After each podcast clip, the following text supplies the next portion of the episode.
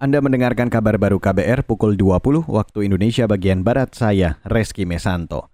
Saudara Presiden Joko Widodo diklaim memberi perhatian khusus ke Papua. Klaim itu disampaikan Menteri Koordinator Politik Hukum dan Keamanan atau Menko Poluka Mahfud MD Usai Jokowi menerima delegasi pimpinan Majelis Rakyat Papua dan Majelis Rakyat Papua Barat di Istana Negara hari ini. Karena Papua itu memang bagian yang menjadi perhatian khusus dari Presiden. Ke provinsi lain Presiden itu mungkin hanya dua kali atau tiga kali paling banyak setiap provinsi, eh, tetapi ke Papua sudah 14 kali. Eh, dan Presiden biasanya langsung ke daerah-daerah terpencil, kabupaten-kabupaten dalam pertemuan itu, Presiden Jokowi turut menyinggung rencana tiga provinsi baru hasil pemekaran Provinsi Papua. Mahmud mengklaim berdasarkan survei dari Lembaga Kepresidenan menyatakan 82 persen rakyat Papua minta dilakukannya pemekaran. Menurutnya Jokowi mengakui hasil survei tersebut. Beralih ke berita selanjutnya, Saudara, Badan Pengawas Obat dan Makanan atau Badan POM masih menemukan takjil yang terkontaminasi formalin dan boraks. Kepala Badan POM Penny Lukito mengatakan 1,5 persen takjil yang diawasi dan diuji terkontaminasi bahan berbahaya. Namun jumlah itu menurun dibanding Ramadan tahun lalu.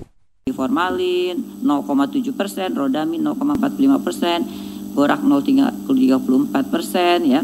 Masih ada tapi alhamdulillah kecil sekali. Saya kira ini juga hasil kerjasama dengan para pemerintah daerah, tokoh masyarakat yang bersama-sama Badan POM selalu turun ke pasar-pasar yang menjual tajil ya selama bulan Ramadan secara intensif. Jadi itu menjadi pemeringat atau menjadi kewaspadaan dari para pembuat takjil Ramadan. Kepala Badan POM Meni Lukito menambahkan pengawasan dan pengujian sampel takjil di sejumlah wilayah merupakan bagian dari edukasi masyarakat. Ke depan, pemerintah akan fokus mengawasi peredaran pangan mulai dari takjil hingga bumbu masakan. Pengawasan dilakukan dengan menggandeng tokoh masyarakat hingga pelaku usaha. Saudara Pusat Vulkanologi dan Mitigasi Bencana Geologi atau PVMBG di Badan Geologi Kementerian Energi dan Sumber Daya Mineral atau KESDM mengantisipasi bahaya sekunder dari erupsi vulkanik Gunung Anak Rakatau. Kepala PVMBG Hendra Gunawan mengatakan, antisipasi dilakukan bekerja sama dengan Badan Nasional Penanggulangan Bencana atau BNPB dan Badan Meteorologi, Klimatologi, dan Geofisika atau BMKG. Terdapat uh, bahaya potensi sekunder dari aktivitas erupsi Gunung Krakatau ini adalah bahaya longsor dari tubuh uh, anak Krakatau seperti tahun 2018. Tapi mengingat kondisi uh, tubuh gunungnya masih kecil, potensi seperti ini kita harapkan masih kecil.